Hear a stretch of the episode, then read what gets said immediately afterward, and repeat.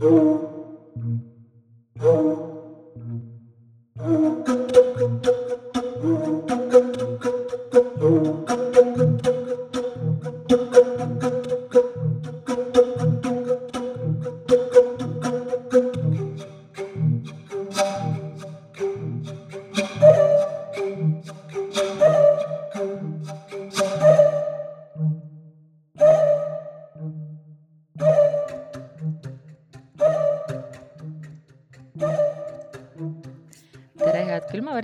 Külmaväristajad ja Kikimoorides sõbrad.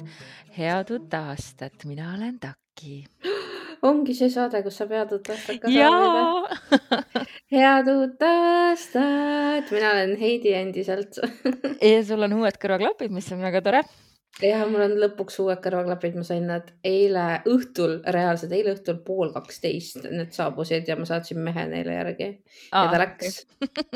ja ta läks suurepärane, et sul on kedagi saata järele asjadele ja ta läheb ja ta läheb. ma ei, ma ei saanud ise minna, mu küüned, tegin küüsi endale, siis lakk kuivas, vaata, ma ei saanud mm. -hmm. ei, mõistetav, kõik on väga arusaadav aga praegu on tegelikult jätkuvalt selline mõnus maagiline aeg, kui päevad lähevad küll juba valgemaks, aga tegelikult, või pikemaks, aga tegelikult on seda pimedat aega päris palju ja äh, traditsiooniliselt Eesti rahvapärimuses on ikkagi äh, loor kahe maailma vahel just aastavahetusel kõige õhem.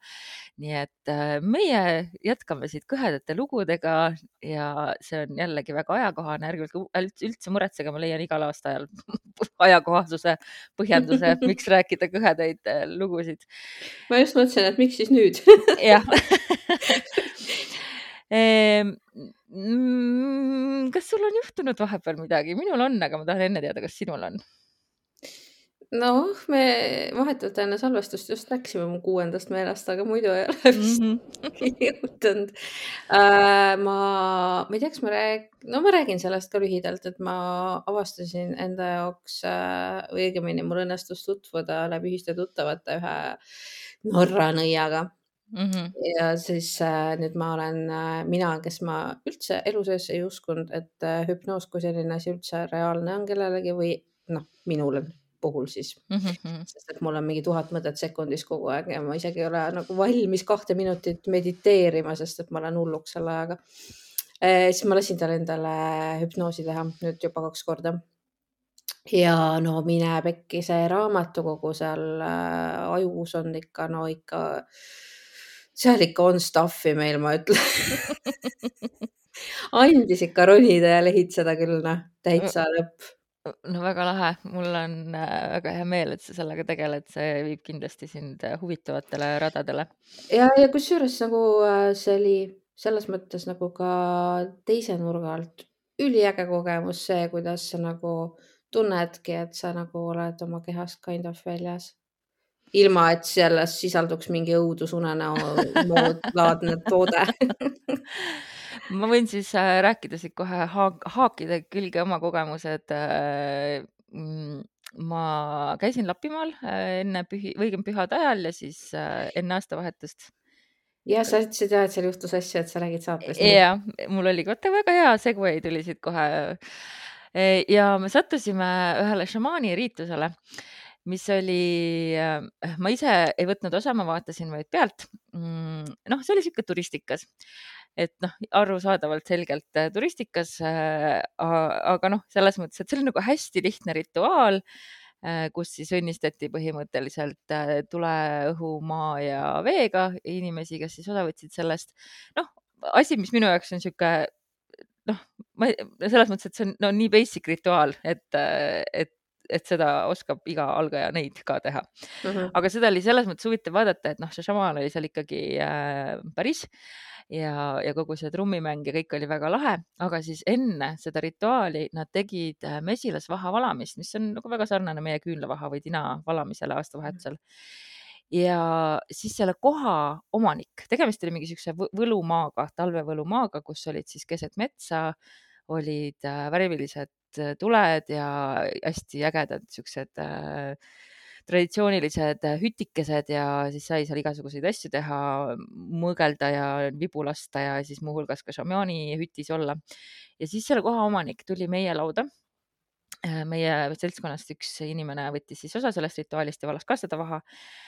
Äh, aga see kohaomanik ei olnud siis sama, kes šamaan, et lihtsalt sihuke täiesti tavaline minuvanune Soome naine.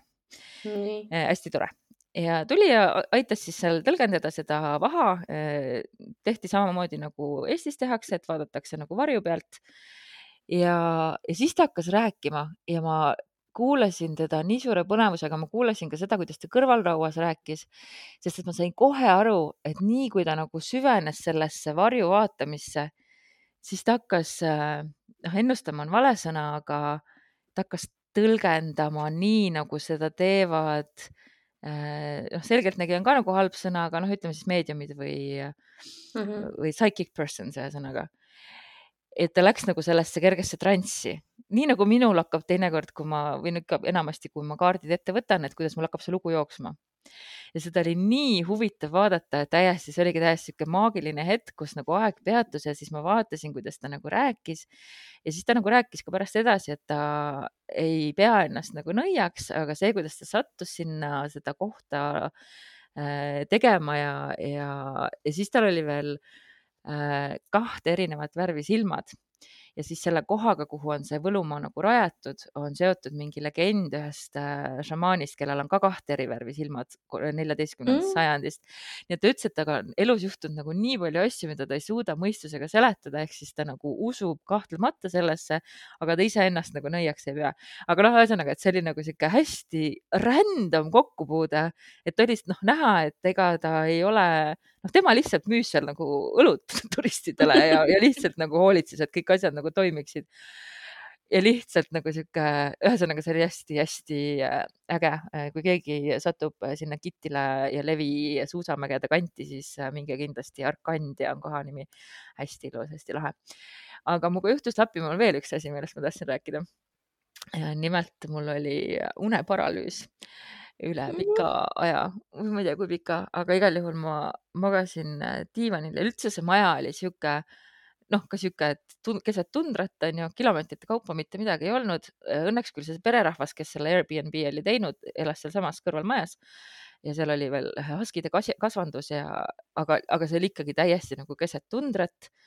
Äh, ja hiljem see peremees rääkis, et see ongi vanast talumajast ümber ehitatud, mis seletas ka seda, miks seal oli nii imelik magada, seal olid äh, tuled, mis käisid äh, äh, liikumisanduriga. ja kuna ma magasin diivanil, siis ma nägin, et need läksid vahepeal täiesti suvaliselt põlema mm.. mis äratas mind üles päris sageli. Ja siis mul tuligi mingil hetkel tuli uneparalüüs niimoodi, et ma olin selili ja ma sain aru, et ma olen unes kinni ja ma ei saanud välja sellest, siis ma hakkasin appi karjuma. Ja noh, nagu ikka selle unehalvatusega on, et nagu ei tule nagu midagi mm, -hmm. et oled sihuke nagu äh, äh, äh. ja siis ma lõpuks siis kuidagi ikkagi sain nagu appi, appi, appi, niimoodi hingeldasin ja siis ma sain nagu ennast nagu välja, aga see ja siis sellega seoses ma ajasin üles ühe sõbra, kes ööbis kõrval toas ja ta tuli ja käis tualetis ära ja siis ma mõtlesin nagu, et täitsa pekkis, see kõlas see, kuidas ma oigasin seal elutoas kõlas tõenäoliselt väga veidralt ja siis ma hommikul rääkisin, et, et ta ei arvaks midagi, et see oli lihtsalt luupaine. See on muidugi hea vabandus, mille ma võtan edaspidi kasutusele. Oh, dear lord, aga ühesõnaga jah, see maja oli väga kummaline ja seal oli väga raske magada, kuigi oleks ju võinud olla mõnus. nii lahe, ma mõtlen sellele, et ma juba book isin järgmiseks jõuludeks sinu eeskujulikult tegelikult. ja see oli väga lahe ja. ja nüüd saab siis varsti aasta pärast ja virvalised ja kõik asjad, nii et väga-väga äh, lahe. ei, see kant on üldse jumala vinge.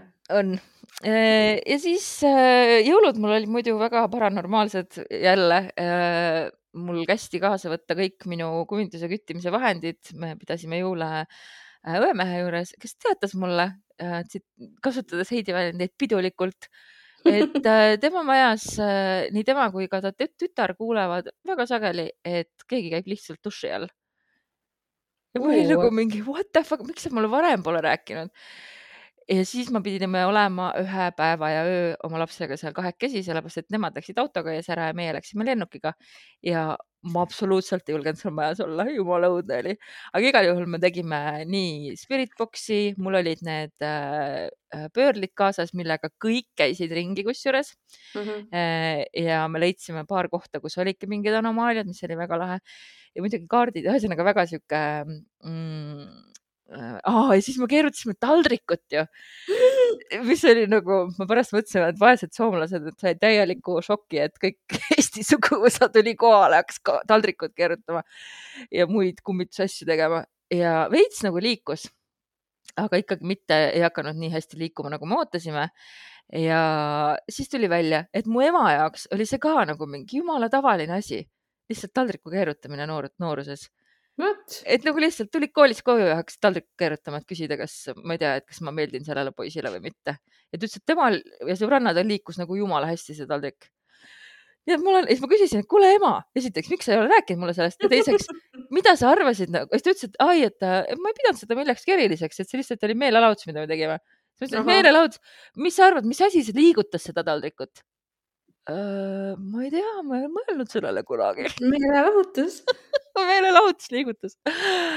nii et ühesõnaga kogu see minu saatus on äh, minu minevikku kirjutatud.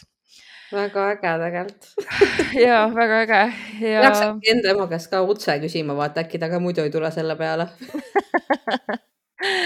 ja siis mul on üks asi veel rääkida, aga ma jätan selle saate keskpaika. ah, räägi nii, nüüd veel. niigi on see kümme minutit äh, lobatud juba. On, no on, aga, aga nüüd sa kütsid põnevuse üles, come on, come on. jah, siis äh, räägingi, aga kas me lähme lugude juurde, sest meil on nüüd kuulajate valitud teema. on ju? Mhm, on ja, kas me ütleme ka, mis teema on või? no ütleme eh,. hotellid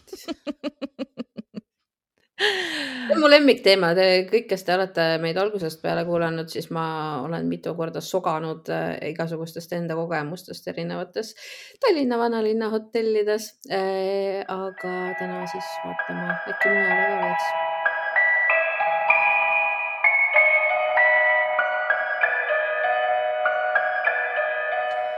vaatame täna natuke mujale ka veits ja mina olen äh, jällegi üsna nagu mm, loominguliselt lähenenud sellele teemale, sest et äh, kui ma hakkasin äh, eile või üleeile neid lugusid äh, välja otsima, siis ma äh, leidsin ühe teise põneva loo, mida saab kuidagi no ühesõnaga, küll te näete. suure kaarega, jah? ja, ma tahan teile rääkida loo ühest maailma kunagisest kõige rikkamast mehest ja moodsa parfümeeria isast, kelle nimi oli Francois Coty ja tema elu oli väga käänuline loomulikult ja ka mitmed tragöödiad puudutasid seda. Eh, aga ma tahtsin kõigepealt rääkida üldse temast, eh, sest et mulle ja sulle, Heidi, pakub siin kindlasti huvitavaid äratundmisi ajakirjandusmaastikult selle Coty käitumine, aga muidu ka sihuke huvitav unustatud mees, et põhimõtteliselt Äh, eelmise sajandi alguse Elon Musk, aga kui paljud tema nime teavad? ei tea ju. Nonii. Äh, niisiis, Coty äh, päris nimi oli Francesco Sportuno ja ta oli pärit Korsikalt, sündis tuhat kaheksasada seitsekümmend neli ja Jack, ah, ma ei oskagi öelda seda, Ajaccios vaese päevavarga pojana. ta oli olnud suur laiskvorst, hoidis eemale koolist ja tööst ja lõpuks siis kadus saarelt. Mm, rändas Marseille'sse ja hiljem Pariisi ja nähtavasti polnud siis juba tema nooruspõlve ärid väga puhtad, et tal oli tegemist tihti politseiga ja siis ainult sõjaväkke astumine päästis seda vangistusest. vallandati ta sealt kapralina, ilmus kahe aasta pärast jälle Pariisi ja siis võttis ta elu otsustava pöörde. ta hakkas uksehoidjaks ühe Pariisi tähtsaima ajalehe Le Figaro juures ta kandis toimetajatele nende tubadesse absinti, aitas sakslastele palituid selga, kujutad ette, sihuke amet oli kunagi päris huvitav. väga hea, ma oleks tahtnud ka töötada toimetuses, kus tuuakse absinti ette äh, ja siis äh, üks allikas, kus ma selle info võtsin, üheski ametlikus allikas seda ei ole, aga see on siis mingi neljakümnenda aasta Eesti ajaleht, kes temast kirjutas. väitis nimelt, et Coty ei osanud ei lugeda ega kirjutada ja ta ei ei õppinud lugema ja kirjutama isegi mitte ajalehes töötades. ma ei tea, kui tõsi see on, aga igal juhul niimoodi seal väideti ja lõpuks ta ikkagi mingis algkoolis käis, aga, aga kõige kasulikumaks osutus hoopis talle see, et ta õppis inimesi tundma seal ajalehetoimetuses töötades neljakümne, ei tuhande üheksasada neli lahkus siis Sportuno vabatahtlikult Figaro teenistusest ja hakkas parfümeeriaga tegelema. tal tekkis siis selline idee, et ta kõigepealt õppis neid parfüüme segama ja toona oli siis kombeks nõnda, et kõik äh, parfümeeria loojad mm, -hmm. parfümeerid, jah, parfümeerid müüsid siis, neil olid oma mingid kindlad siuksed äh, lõhnapoed ja seal ainult müüdi parfüüme.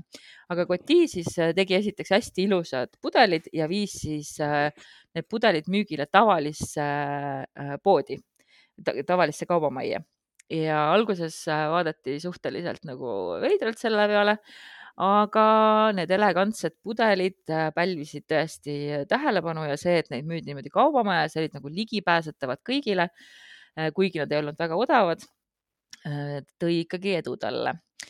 Ja Pariisi daamid läksidki siis äh, liimile ja varsti oligi Cotil päris palju raha ja kahekümnendateks aastateks äh, oli ta juba suutnud oma äri nii laiali ajada, et ta oli üks maailma kõige rikkamatest meestest. äh, kaks aastat hiljem sõitis ta Ameerikasse ja ka ameeriklannade hulgas tema kosmeetika siis lõi laineid. Mm, ja kuigi oli Esimene maailmasõda, siis tema tegi sellise arvestuse, et kuigi kõik teised lõhnaõli valmistajad valmistasid keemilisi sõjavahendeid, siis Coty mõtles, et mitte nüüd üksi paugutatakse, vaid aetakse ka taga, tagaedevust ja toredust. ja sellega ta sai siis monopoli, et samal ajal kui kõik teised aitasid sõjale kaasa, siis tema tegi edasi oma lõhnaõlisid hmm Eh, nii et ta täitsa nagu levis äh, üle kogu maailma, aga teda üldse üksinda see raha nagu ei rahuldanud ja tahtis äh, valitseda ja etendada tähtsat osa ka poliitilises elus.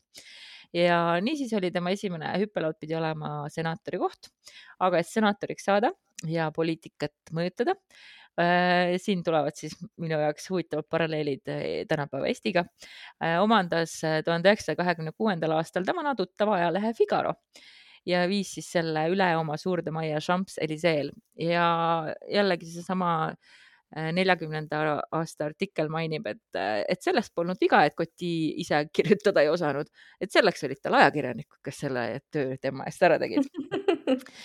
ja nii ta siis äh, lasi kirjutada oma lehe, lehetöötajatel erinevaid äh, teda ülistavaid Mm, või te, tema vaateid ülistavaid äh, artikleid, aga eriti tulemust see ei toonud ja siis äh, Korsikal äh, kus ta tahtis valituks saada, hakkas ta valijaid tuhandefrangilistega ära ostma. aga see oli, et kuigi ta nagu korraks sai Korsika senaatoriks tuhat üheksasada kakskümmend kolm, siis ta lõpuks valimistulemused tühistati, sellepärast et ta oli seal äh, äh, altkäemakse maksnud äh,. siiski oli ta oma sünnilinna, mille nime ma ei suuda hääldada äh,, meer aastatel tuhat üheksasada kolmkümmend üks kuni kolmkümmend neli ja siis äh, lisaks ta ostis kokku tohutul hulgal šatoosid ja hotelle ja lasi neid siis äh, uuendada ja nii edasi äh, ja siis ta tegi veel ühe huvitava lükka ajakirjandusmaastikul, et ta asend-, asutas äh, uue äh, ajalehe nimega Ami du Peuple, mille tõlge on siis rahvasõber.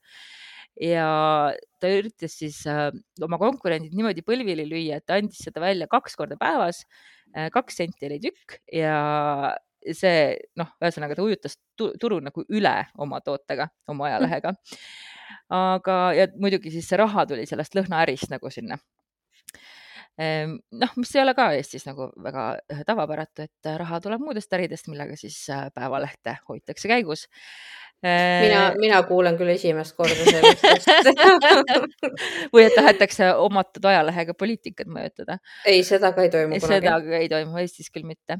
Äh, aga siis äh, teised ajalehed said ilgelt pahaseks ja siis nad tegid sellise diili, et hakkasid boikoteerima teda sellele Ami de Peuplele suleti kõik müügikioskid ja kuulutustulbad, aga mida siis Coty tegi? ta asutas enda müügipunktid ja iseseisva teadete ameti ehk siis kohaliku BNS-i ja kahepas vastased, tööstusvabaduse piiramise pärast kohtusse, kus ta jäi ka võitjaks Äh, muidugi oli Coty ka abiellunud, aga siis äh, kusjuures tema naine Yvonne oli ka väga äh, seotud selle parfüümia äriga, et osadest allikatest ma leidsin, et tema isegi oli need esimesed pudelid disaininud. Aga kuna Cotyl oli sihuke huvitav komme omada armukesi mm. huvitav komme. huvitav komme, keda ta majutas siis äh, Pariisis äh, Astoria hotellis äh, ja lasi neile teha kalleid kingitusi, et siis hakkas ta Yvonne'ist lahutama aastal tuhat üheksasada kakskümmend üheksa. Neil oli kusjuures kaks last, Roland ja Kristjane ja seejuures siis pidage see Roland siin meeles, et temast tuleb meil veel juttu Yvonne'ist ta sai lahutuse küll, abiellus oma armukese Henriette Henrietta Dideuga äh, ja kellega ta ka veel hiljem abiellus ja sai veel viis last. aga Yvonne'ist ta odavalt lahti ei saanud. kohus mõistis naisele pool abielu ühisest varandusest, mis oli siis nelisada kolmkümmend miljonit franki ja lisaks hakkasid siis levima kuuldused, et Coty varjab oma tulusid mm, ja siis andis äh, suure hoobi tema mainele lisaks siis kolmekümnendatel oli äh, majanduskriis ja see andis siis Cotile viimase hoobi. Äh, tema Figaro jäi tütre Christiana hallata äh, ja seejärel pankrotistus siis ka see Ami kontsern ja naine Yvonne sai lõviosa mehe varandusest ja Coty suri tuhat üheksasada kolmkümmend neli, kuuekümne aastaselt oma kodus kopsupõletiku komplikatsioonidesse või siis teistele andmetele aneurismi ja üks huvitav asi veel sellest äh, enne kui me lähme Rolandi juurde, et tuhat üheksasada kuuskümmend kolm müüs Yvonne äh, nende perekonnaäri Coty Inc äh, maha sellisele firmale nagu Pfizer mm. nõudega, et mitte ükski Coty perekonnaliikmetest ei tohi iial firmaga seotud olla. Ohoh. Ehk siis seal oli nagu ilge, ilge draama kogu aeg kahjuks on sellest hullult vähe andmeid, ma leidsin ainult ühe raamatu, mille oli kirjutanud äh, Rolandi äh, poja naine. aga ma kahjuks ei hakka, ma ei hakanud seda tellima, ma leidsin ainult sissejuhatuse internetist, mille ma sain lugeda ja see Rolandi poja naine oli ilgelt armunud sellesse oma äia isasse, jah, kes oli seesama, see Koti ühesõnaga, see oli, see oli kõik väga huvitav, aga äh, Roland huvitab mind siin sellepärast, et nüüd ma küll mainisin paar korda sõna hotell. nii ja panin tähele. ja Roland elas ka ühes hotellis Pariisis mm. -hmm. Roland oli niisugune äh, väga tuntud elumees äh, Pariisis, ta oli võidusõitja ja ärimees, ta oli ka seal Coty Inkis, töötas põhimõtteliselt nii kaua, kuni see maha müüdi ta müüdigi maha siis, kui Roland ükskord ära suri, kuuekümne kolmandal. aga kolmekümne kolmandal äh, oli siis veel Roland sihuke mõnus äh, noormees ja elas ühes Champs-Élysee parimatest hotellidest, mille nimi oli George Viies ja kui te guugeldate seda, siis praegu ta on Four Seasonsi hotell ja see on tõesti magnificent väga sageli siis saatis teda seal üks äh, kaunis noor naine, kahekümne nelja aastane Austraaliast pärit, äh, õigemini jah, kolm kuud tagasi Austraaliast Pariisi kolinud äh, Dorothy Wright.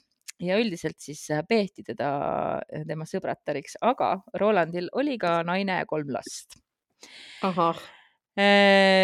Dorothy oli siniste silmadega, tal oli omapärane Austraalia tüdruku enesekindlus ja kui ta esimest korda Euroopa maailmaga kokku puutus, siis ta püüdis oma kohmetust varjata omal kombel. ja üks sõber oli teda kirjeldanud niimoodi, ta oli armas olend, aga ta oli laisk nagu kõik Sydney ja Melbourne'i noored tüdrukud ja ta tahtis tööd. Dorothy oli siis öelnud, mul peab töö olema, ma hakkan maailma vallutama ja maailma siis Dorothy vallutaski, et kõigepealt ta sai väikese rolli äh, ühe mingi revüü juures äh, ja samas tegelikult, millega ta maailma vallutas, oli see, et temast sai seltskonnatäht, et äh, ta oli sihuke oma ajastu BSH ütleks, et sihuke glamuur. ma just tahtsin öelda, et BSH tuleb ka meil varsti selle Austraalia neidude enesekindlusega et glamuur ja moemaailm ja rikkad mehed ja kõik armusid temasse ära ja Dorothy nagu eeldaski, et kõik mehed temasse armuvad. jällegi ma sõpr olin ka kunagi selline muide. ma pole kunagi olnud. mina olin, raudselt olin, mul ei pidanud üldse pingutama, ma lihtsalt nagu teadsin ja nii oli. noh, tore. oi aegu ammu. Äh, tsiteerin sõpra, ta võttis vastu iga mehe tähelepanu, keda ta kohtas. muidugi nad armastavad mind, miks mitte, ütles ta, nagu oleks uskumatu, et ükski mees, kes teda kohtas esimest korda, ei tohiks temasse armuda. ja teda siis kutsutigi kogu aeg välja, eriti jäi ta silma kunstnikele, kes kõik tahtsid teda visandada või siis kasutada eeskujuks skulptuuride tegemisel ja lehvis ta siis niimoodi Pariisi ja Lond Londoni kõrgseltskondades ja Rolandiga, Roland Cotiga ta kohtus siis Rivieras ja noort Cotit nähti siis äh, Cannes'i sadamas oma kiirpaadil, Dorothy vööris, juuksed tuules voogamas ja õhtuti nähti tantsimas neid ambassadööris või siis kasiinos bakkaralaua taga ja Pariisis oli siis toona moeasi kutsuda Dorotit äh, igale peole, kus kohtusid siis glamuur ja moemaailm. ühesõnaga saate pildi ette, millise neiuga oli issand tegemist,. kui ilus pilt. kus sa tema pilt- pilti näed?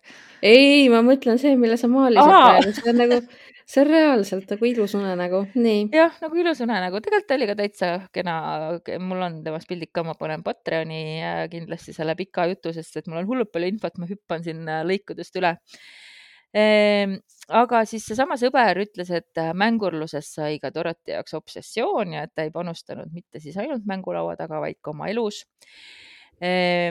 Ja siis üks suurimaid triumfe äh, Dorothy jaoks oli olnud äh, linna saabunud India ümarlaua konverents, kus ta siis äh, poolte India pri- printside südamed võitsid, võitis, kes viisid teda siis ooperisse õhtusöögile, tegid rikkalikke kingitusi ja siis juba hakati sosistama, et sealt tuleb ka tema võib-olla potentsiaalne abikaasa.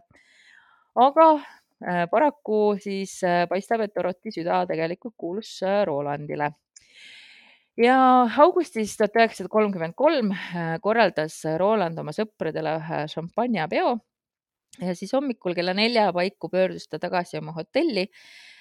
kaasas olid tal siis äh, paar meessõpra ja ta jõudis äh, hotelli kell viis hommikul ja oli üllatunud ja leidis sealt eest, sest et ta leidis sealt eest Dorothy mm,. väidetavalt siis, ühesõnaga, et see oli nagu tegelikult tavaline, et Dorothy sinna niimoodi varajastel hommikutundidel jõudis mida mainiti kõikides allikates, aga keegi, noh, ühesõnaga öeldi, et see on tema sõber. teame küll, milline sõber see seal, mis, mis sõbrasuhed neil, suhe neil oli. Nad, Dorothy oli ka samal peol olnud, aga nad polnud seal omavahel palju rääkinud. ja Koti sõnul siis, Rolandi sõnul äh, oli Dorothy tema magamistoas hullunud silmadega talle otsa vaadanud ja öelnud, Roland, ma tahan sinuga tingimata rääkida.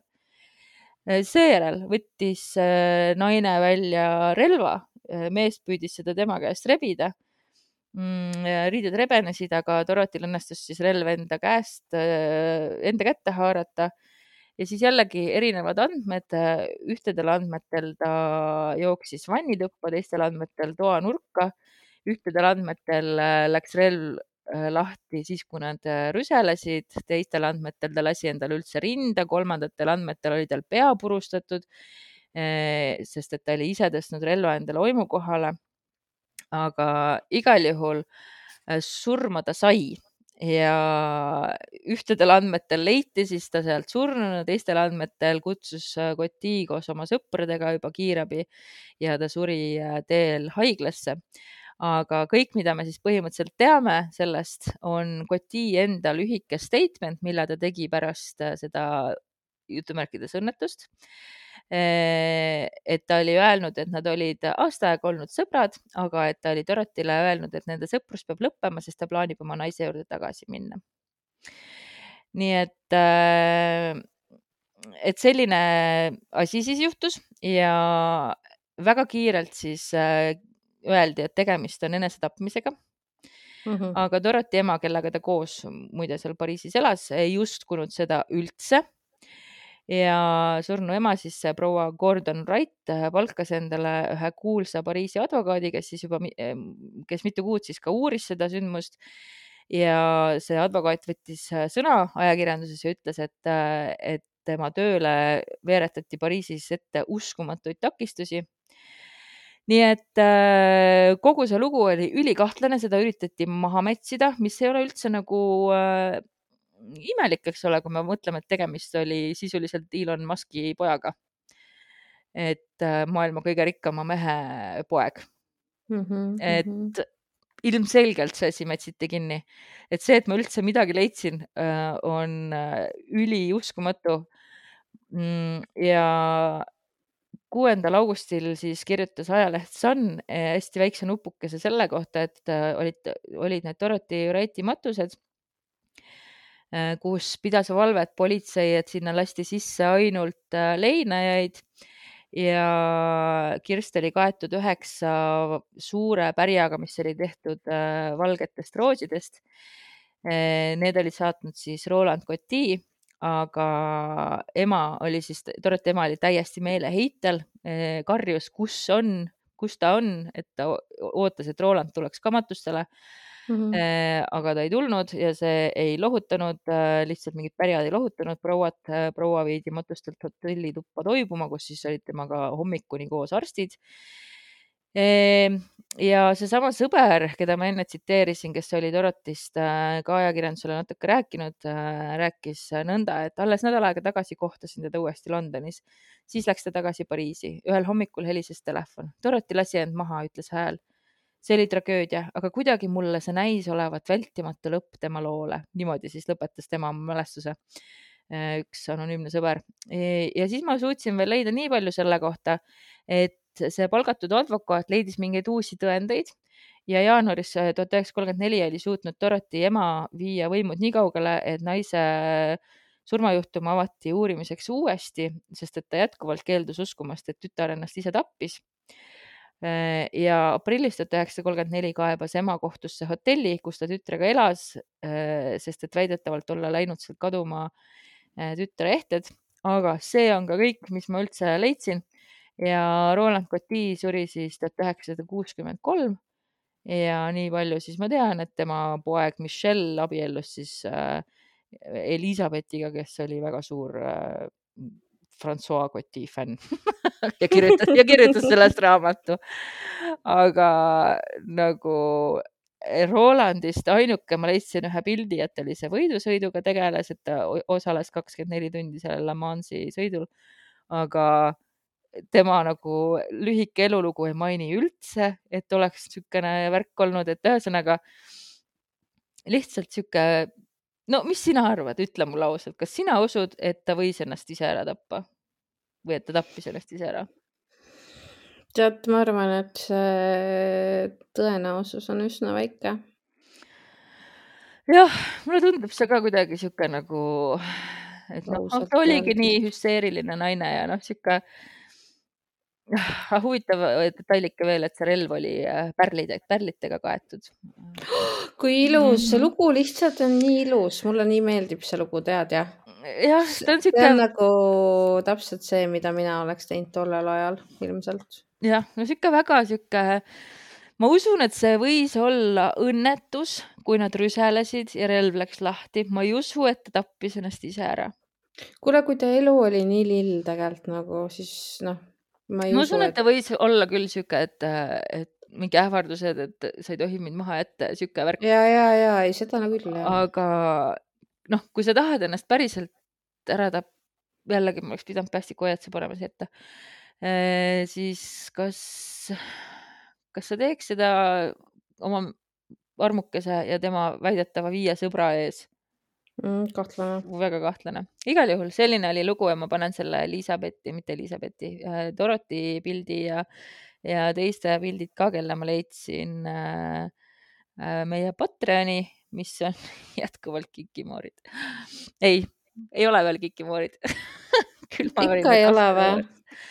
Vist ei ole. ma vaatan, sa hakka rääkima, võib-olla ma muudan ära nii kaua. oota, ma just tahtsin tegelikult öelda seda, et täna ongi Dagmari saade, me oleme juba üle poole tunni saadet teinud, ainult Dagmar on rääkinud jah, ma no vot, ma teadsin, et mul on äh, pikk lugu aga. aga vaatame, ma teen äh, osakese enda loostki ära ja ma tahaks tegelikult selles saates kuulda kindlasti ka seda lugu, mida sa siin pidurdasid ennast rääkimast enne et äh, kui ei mahu, siis juhtub nii, et ma panen meile ka Patreoni, teeme mingi ägeda salvestuse selle looga, mida ma selle esimese looga seonduvalt tahtsin rääkida. ega siis selles mõttes äh, kikimorid otsa ei saa ju. ei saa. noh, meil on ruumi mm, küll veel täis rääkida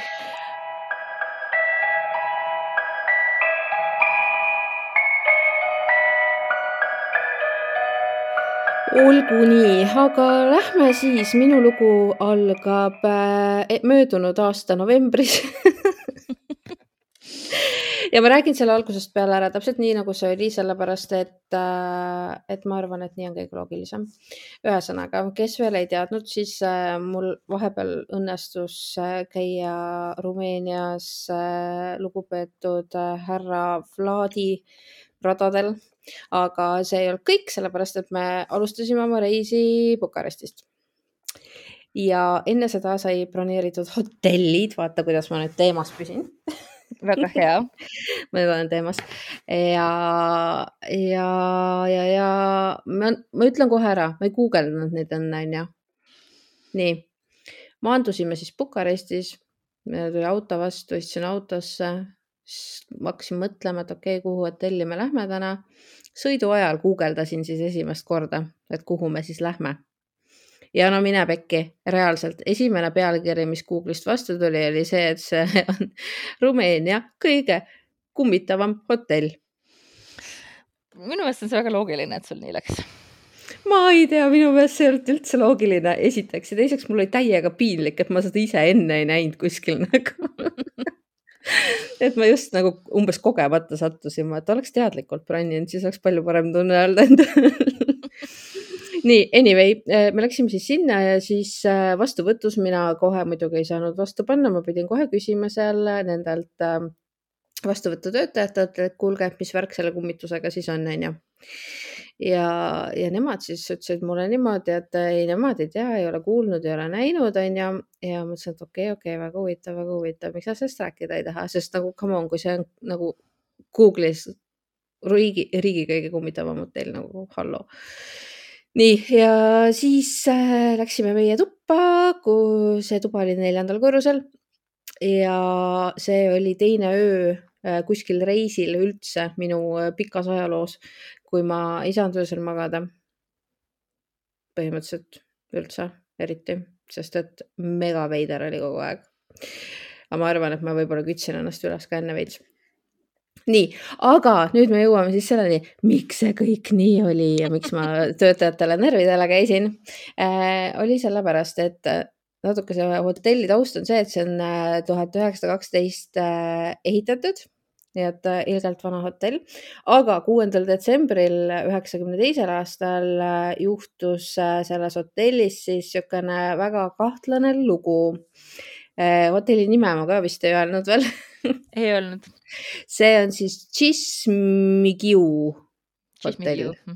Chismigiu mm -hmm. ja ajaleht Dinerama isegi kirjutas sellest juhtumist, mis seal siis detsembri alguses toimus pisikese äh, loo ja tuli siis välja, et äh, Moldovast pärit äh, kirjandusteaduse teise kursuse üliõpilane Neli sai surma seal mm. -hmm et tollel ajal see hoone oli siis selle kunstiteaduskonna ühiselamu õudselt halvas olukorras, et noh, põhimõtteliselt sinna pandigi elama mingid siuksed inimesed, kes ei jaksanud väga maksta oma elukoha eest. ehk siis see oligi nagu, vaatasin pilte, mingi täiesti, no ikka täiesti räämas, mingi hallitas ja, ja tükid olid seintest puudu enam-vähem ja aknad olid siin-seal katki, eks. aga milline see siis oli, kui teie seal ööbisite? seda vahepeal renoveeriti, nii et nüüd see oli nagu täiesti uus-uus. niisugune euroremondikas või? ja, ja ikka täislaks nagu okay., nagu noh, ikka päris aga tavaline selles mõttes ei mingi nagu luksuslik, vaid tavaline? Pigem natuke rohkem kui tavaline, I would say. meie toel oli kaks rõdu, suurt. aa, okei okay.. nii et anyway, anyway, see ei ole praegu teema nii ja see väikene Neili, väikene Neili jah. noor, noor sellistes varajastes kahekümnendates Neili äh, sai seal surma. Ja seal on kaks sellist äh, versiooni siis, kuidas see kõik võis juhtuda. Mm, küll aga ma ütlen praegu kohe ära ka selle, et äh, see toona, kui see asi toimus kõik ehk siis nüüdseks juba prrr, üle kolmekümne aasta tagasi, äh, siis äh, oligi see üks ajalehe artikkel ja, ja oligi vaikus. pärast seda keegi enam midagi teinud, midagi ei uurinud, midagi ei noh, see ühesõnaga see maeti maha ja seetõttu hästi paljud inimesed nagu tänapäevalgi nagu vihjavad sellele kui linnalegendile. okei okay., nii kurb. on, on jah, täiega. aga kuidas ta surma sai äh,? Läks niimoodi, et äh, tema tuba oli äh, hotelli kolmandal korrusel, noh, siis ei olnud hotell, aga praegu siis hotelli kolmandas kol,, kolmandal korrusel ja oli vaheaja periood, kui enamik siis äh, nendest teistest äh, üliõpilastest, kes seal ka elasid, ei olnud üldse majaski mitte ja tema siis äh, pimedas äh, läks oma toast välja ja tahtis liftiga minna siis ilmselt alla. Äh, vajutas lifti nuppu, taaskord kott pimedas. Lifti nupul süttis see punane tuli, et lift on saabunud. ta tegi lifti ukse lahti ja kadus ära. ja pärast siis selgus, et äh, lift oli endiselt esimesel korrusel. issand, kui vastik mm,. aga ta ei saanud surma. ei, suurepärane, muidugi. Sellepärast, et äh, ta, ta jäi kinni sinna, ta sai väga-väga äh, raskelt vigastada ja ta jäi kinni sinna ja kolm tundi järjest hüüdis appi kedagi endale, mitte kedagi ei tulnud. issand jumal ja, ja lõpuks ta siis ikkagi leiti sealt ülesse ja viidi äh, kiirabiga haiglasse, kus ta siis kakskümmend neli tundi hiljem suri. issand, kui kurb. Äh, täitsa jah, sihuke õudne. ma, ma ei kujuta, ühesõnaga seal majas lifti astuda oli nagu ekstra weird tunne, aga äh, see on üks versioon asjast. teine versioon on see, et Äh, üks äh, selle vastuvõtutöötaja tollel ajal, seal keegi sihuke, kes maja eest hoolitses või, või noh, mingi sihuke ülevaataja, äh, pisut vanem meesterahvas. Läks siis teades, et inimesi majas on väga vähe. Läks siis selle tüdruku ukse taha. ei mm. -hmm. ja nüüd tuleb see pistiku, päästiku, päästiku hoiatus. Äh, ta läks talle tuppa, äh, ta vägistas ta ära. ja siis äh, ta lihtsalt lükkas ta sinna. Okei okay,, et see, et ta leiti sealt lifti šahtist, et see on nagu tõsi see on tõsi ja, aga nagu see, mis sellele eelnes, on selline so-so, et mm -hmm. kumb variant on, sest keegi ei tea, sest noh, nagu ma ütlesin, seda ei uuritud. et äh, kohe kanti see nii-öelda õnnetuse arvele, aga, aga see, see variant endiselt nagu ka levib, et see võis olla nii, et see me, meesterahvas siis tegelikult oli süüdi ja tegelikult, tegelikult mul on, mul on mega hea, mega hea kummituslugu sellega seoses. nüüd sina oled see inimene, kes ütleb, kas ma teen selle ära või ma jätan selle Patreoni jaoks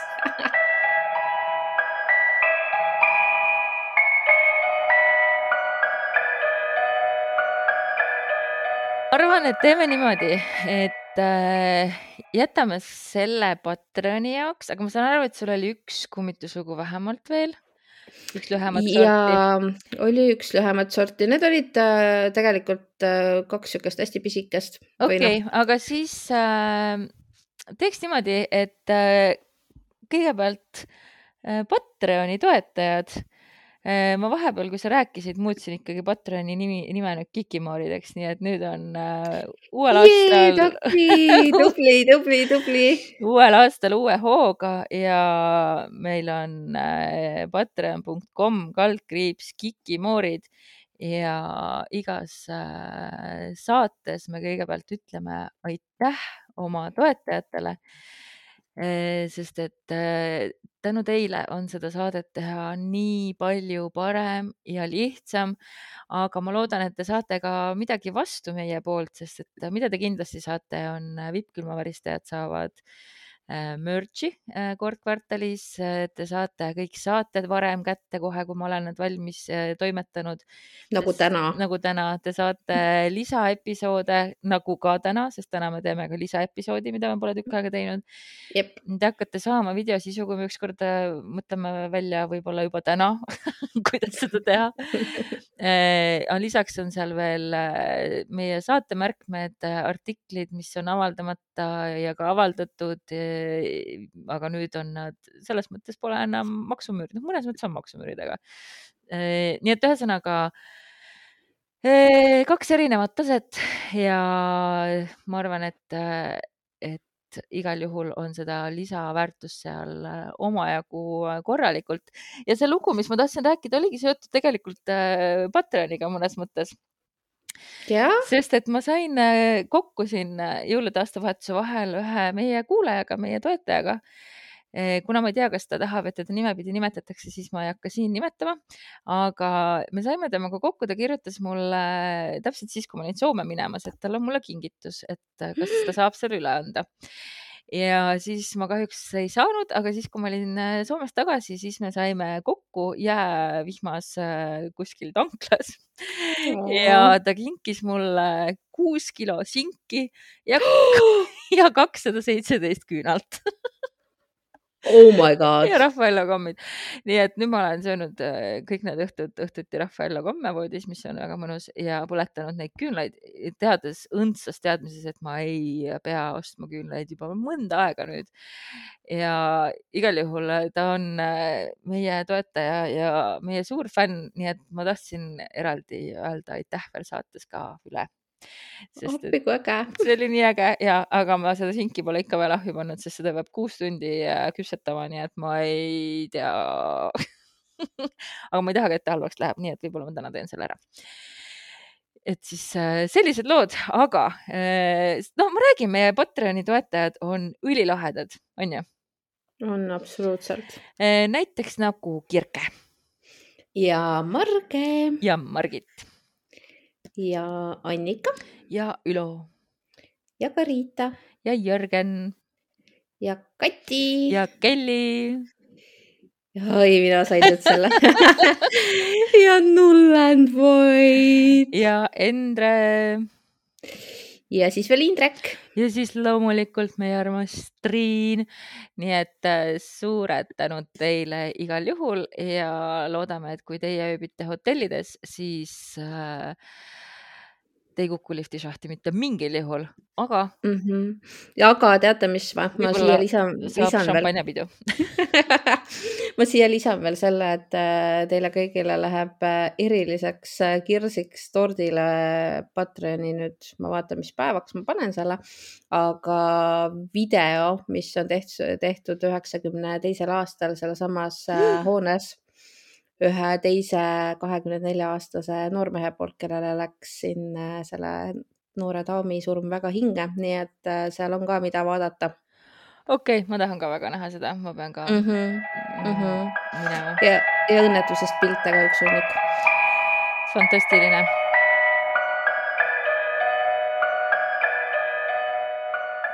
aga ma räägin ühe kiire loo, mille ma alguses mõtlesin, et ma jätan Patreoni, aga ma jätan siis hoopis natuke aeglasema loo Patreoni.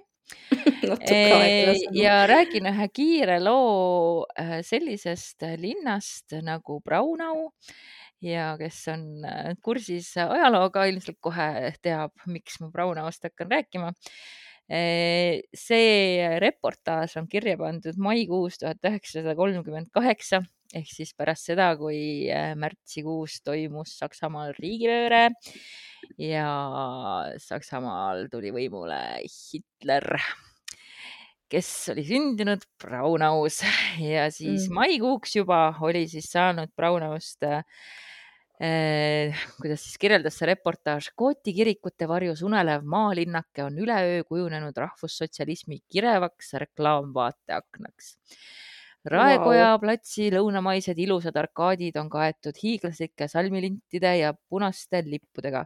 kitsais tänavais leiab leierkastimehi ja SA kõnekoore isegi vanad raskepärased äh, parved inni rohetaival voogudel on kasutatud propaganda otstarbeks. Nende mustjaspruunide tormatud välisseinadel on kohmakalt maalitud töölaused, äh, mis töölaused, lööklaused. siin sündis Hitler äh, aga enne siis seda, kui Hitler võimule tuli, ei olnud Braunau üldsegi väga rahvussotsialistlik. Braunau linnapea oli väga teravalt natside propaganda vastu välja astunud ja kui oli tehtud äh, linnanõukogus ettepanek Hitler valida aukodanikuks, siis suurem osa linnanõunikke oli selle vastu ja tol korral kaaluti isegi äh, Võõrastemaja, äh, mis asus aadressil viisteist Salzburger Vorstadt, sulgeda. see oli lihtne mm. kolmekordne maja, kus siis kahekümne üheksa aastane Clara Hitler oli kahekümnendal aprillil tuhat kaheksasada kaheksakümmend üheksa sünnitanud poja Adolfi aga selleks hetkeks siis kolmekümne kaheksandaks aastaks tekitas siis see Võõrastemaja linnakeses alatis, alalist rahutust ja see oli siis kujunenud äh, natsituristide meeleavalduste, ei, turistide, natsituristide ligitõmbepaigaks, aga siis ka enne riigipööret oli siis seal ka meeleavaldusi toimunud, kuniks veel neid lubati aga siis kolmekümne kaheksandal aastal oli see siis Võõrastamaja siis äh, loomulikult linna müstiliseks keskuseks. Äh, ja oli siis terve külastajate rodu, kes tahtsid näha Hitleri sünnituba. see ulatunud sageli tänavale välja ja nüüd ma siis loen ette selle reportaaži ja ma saan aru, et see ma ei teagi, mis väljaanne see mul jälle on siin olnud. Eesti, Eesti reporter on igal juhul kohapeal käinud, siis ta kirjeldab. oo oh,, vau. nii et milline hotell siis oli, kus Hitler sündis. kitsast keerdtreppi mööda, mis lehkab vaibotolmu ja killendava õlivärvi järele, jõutakse teise korra koridori, kus vasakul pool seisab uks, mis kannab lillelisel portsellansildil number kolme mundris turistide juht jutustab monotoonse häälega. meie juhi sünnituba on tuhande kaheksasaja kaheksakümne üheksandast aastast saadik peaaegu muutmata. mööblid on vanad, isegi kardinad on endised, ainult tapeeti on vahepeal vahetatud küünalde tule vilkuvas valguses näeb mööbleeritud toa tavalist sisest, sisustust, millest tuhandete viisi leidub kõikjal maailmas. lai voodi algelise baldahiiniga, neli tooli, ovaalne laud kaetud kirjulinaga. selle on proua Clara Hitler ise välja õmmelnud, seletab turistide juht ja lisab kohe edasi, edasi, teised ootavad järge ja mis siis sellest majast äh, sai, seda siis äh, rentis pärast teist maailmasõda edasi Austria Vabariik, kuna Braunau oli siis äh, piiririik, sealt edasi läks ta siis muinsuskaitse alla. siis oli ta kuuekümne viienda aastani Rahvusraamatukogu, hiljem oli seal pank, aastatel seitsekümmend kuni seitsekümmend kuus toimusid seal majas loengud, kuni see siis kool ümber ehitati siis asus seal veel mingi heategevusorganisatsioon ja siis tegutses veel päevakeskusena mm, ja töötubadena õpiraskustega peredele. Äh, ja kui siis heategevusorganisatsioon lahkus hoonest aastal kaks tuhat üksteist, jäi see tühjaks ja loomulikult äh, oli see jätkuvalt tegelikult natsis, natside sihuke ligitõmbekoht ja seega siis ka turvarisk ja omanik oli pidevalt selle vastu, et panna sinna mingi mälestuskivi natsismi ohvritele. Äh, aga lõpuks ikkagi mingi mälestuskivi sinna pandi. aga aastal kaks tuhat kuusteist siis teatati, et äh, hoone lammutatakse. ma ei läinud praegu Google'isse vaatama, kas ta on lammutatud, ma unustasin lihtsalt ära. nii et äh, selline kiire hotellilugu ka, nii et sa saad siia nüüd panna veel kiire kummitusloo.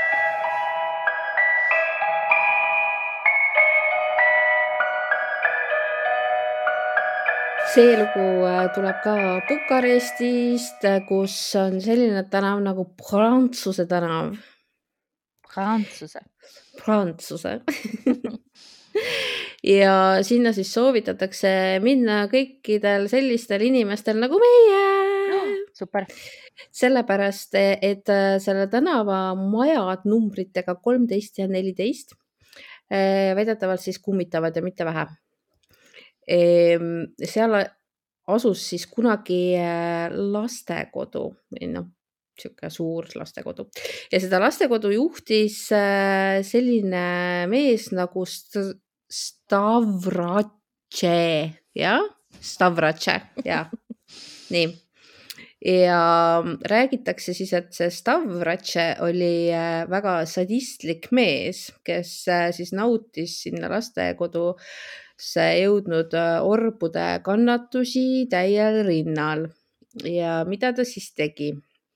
Mm, ta hoidis neid janus. oo ei. ja ta näljutas neid mm.. ja räägitakse, et äh, siis janusse ja nälga suri siis seal lastekodus rohkem kui kakssada last mm., kelle vanemad olid siis hüljanud. Ja nende vaimud siis on väidetavalt seal maja seinte vahele lõksu jäänud ja mida seal siis kuulda võib, ongi äh, selline vett küsivate laste nutt ja sellised summutatud äh, kajad või, või, või nagu summutatud sellised, noh, teate, need hääled, mida inimesed teevad siis, kui neid kind of piinatakse mm. Vot niisugune lühike sutsakas, et kui on kellelgi Bukaresti minek, siis otsige üles see koht, ma ütlen teile, ma olen jumala kindel, et seal on ka mingi Airbnb või jumal teab, mis asi tehtud. Äh, ja ma üldse ei äh, kahtle, äh, sest et erinevalt Tallinnast oskavad paljud riigid ära kasutada seda, et neil on kummitusmajad. ja siin on nagu mingisugune top secret see aga ma vaatasin vahepeal, et Hitleri sünnikodu on veel alles, äh, kuigi paistab maha jäetud olevat, aga maja ei ole veel maha lammutatud kuue aasta mm. jooksul. aga mm -hmm. siit siis äh, lõpeb praegu meie harukordselt pikk äh, esimese, esimese, mitte esimese jaanuari, aasta esimene, aasta esimene saade. meie lähme teeme edasi lisasaate Patroni kuulajatele. jah, salaja. salaja ja siis teiega kohtume vähem salaja eh, juba järgmisel reedel. püsige kõhedad. Mm-hmm.